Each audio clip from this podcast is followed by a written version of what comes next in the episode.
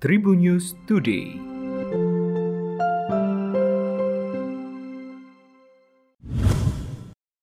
Halo Tribuners, berjumpa kembali bersama Hakim di Tribun News Today dan Hakim akan berbagi informasi menarik hari ini mulai dari informasi nasional, regional, selebritis dan juga olahraga. Kreri Rich Medan Indra Kens akhirnya angkat bicara soal dugaan kasus penipuan korban trading binary option melalui aplikasi Binomo. Dia meminta maaf dan mengakui binomo merupakan ilegal di negara Indonesia. Indra Kans mengakui bahwa dirinya pernah mengucapkan binomo merupakan aplikasi yang telah legal pada 2019 lalu. Menurutnya pernyataan itu merupakan keliru dan juga sebuah kesalahan besar. Namun begitu, Indra Kens mengaku sempat meralat pernyataan tersebut. Dia juga telah membuat konten khusus yang diunggah di akun sosial medianya yang menyatakan Binomo merupakan aplikasi investasi ilegal. Indra kemudian menyampaikan permintaan maaf atas pernyataannya tersebut. Permintaan maaf tersebut juga diarahkan kepada semua pihak yang merasa dirugikan atas ucapannya itu.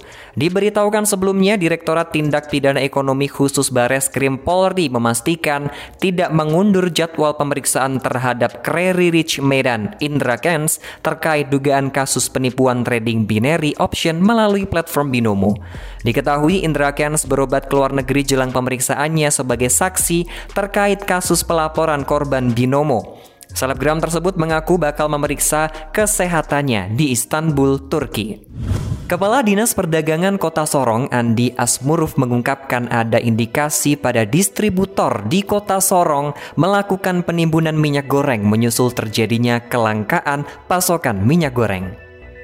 Karena itu pemerintah Kota Sorong melalui Dinas Perdagangan akan melaksanakan sidak di sejumlah distributor dan swalayan di Kota Sorong, Papua Barat untuk menyikapi kelangkaan stok minyak goreng pada sejumlah mall dan swalayan di Kota Sorong. Pihaknya akan melakukan pengawasan ke lapangan guna memastikan kondisi minyak goreng di gudang. Ia mengaku dalam situasi seperti ini yang harus dihindari adalah permainan distributor nakal sebab bisa dimanfaatkan situasi untuk menimbun barang yang berujung pada kelangkaan stok minyak goreng. Pastinya, jika ada pedagang yang sengaja menimbun barang, maka otomatis akan dingenai sanksi. Apalagi kegiatan tersebut dilakukan dalam kondisi pandemi COVID-19 dan semua orang sedang kesulitan untuk mencari pekerjaan. Semasa hidup Dorja Gamalama sering mewakafkan atau membagi-bagikan Al-Quran ke masjid-masjid. Hal ini diungkapkan oleh Ustadz Anan Muhajir selaku pengurus sekaligus Imam Masjid Al-Hayu 63. Anan menceritakan beberapa waktu lalu Dorce Gamalama juga sempat mewakafkan Al-Quran di area rumahnya yang berada di Jati Bening, namun ia tidak hadir pada saat itu. Selain itu, sekitar dua bulan lalu sebelum Dorce Gamalama meninggal, almarhum sempat meminta maaf kepada Anan layaknya orang tua kepada anaknya. Selain meminta maaf, Anan mengatakan Dorce menitipkan Masjid Al-Hayu 63 kepada dirinya. Masjid Al-Hayu 63 yang berlokasi di Kelurahan Lubang Buaya, Cipayung, Jakarta Timur merupakan tempat ibadah yang didirikan oleh Dorce Gamalama. Dibangun sejak 2006, peresmian masjid dilakukan pada 2008 dan kemudian diwakafkan pada tahun 2020 lalu.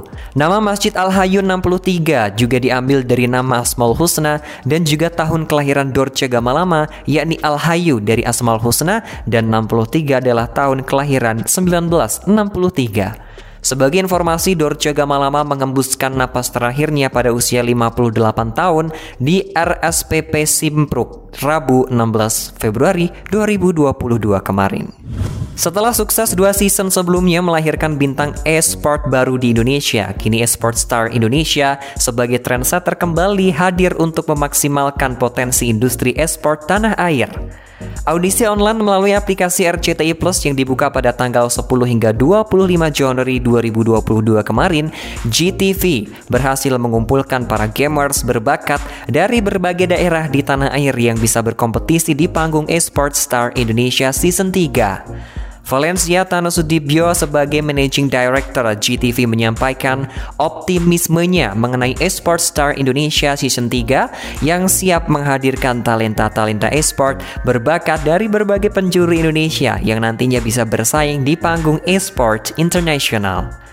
Penyelenggaraan Esports Star Indonesia Season 3 dipastikan menjadi wadah tepat yang diperlukan untuk melahirkan bintang-bintang esport berkualitas kelas dunia sekaligus untuk menjangkau lebih luas pemirsa akan digunakan New Games Garena Free Fire. Mengingat Free Fire dimainkan oleh 150 juta penggunanya setiap hari dan telah di-download lebih dari 1 miliar gamers. Ajang Talent Search Esports Star Indonesia tidak hanya sebagai bukti, dukungan dan juga optimisme akan potensi besar bagi pasar esport di Indonesia. Panggung kompetisi yang dihadirkan oleh Esports Star Season 3 menghadirkan hiburan bagi keluarga di seluruh pelosok tanah air sekaligus berkontribusi positif bagi ekosistem esport Nusantara. Demikian empat informasi terupdate hari ini. Jangan lupa untuk terus mendengarkan Tribunnews Today hanya di Spotify Tribunnews Podcast dan juga YouTube tribunnews.com. Tetap patuhi protokol kesehatan 3M dengan memakai masker, mencuci tangan dan juga menjaga jarak atau menjauhi kerumunan. Saya Hakim pamit, salam sehat untuk semua dan sampai jumpa. Tribun News Today.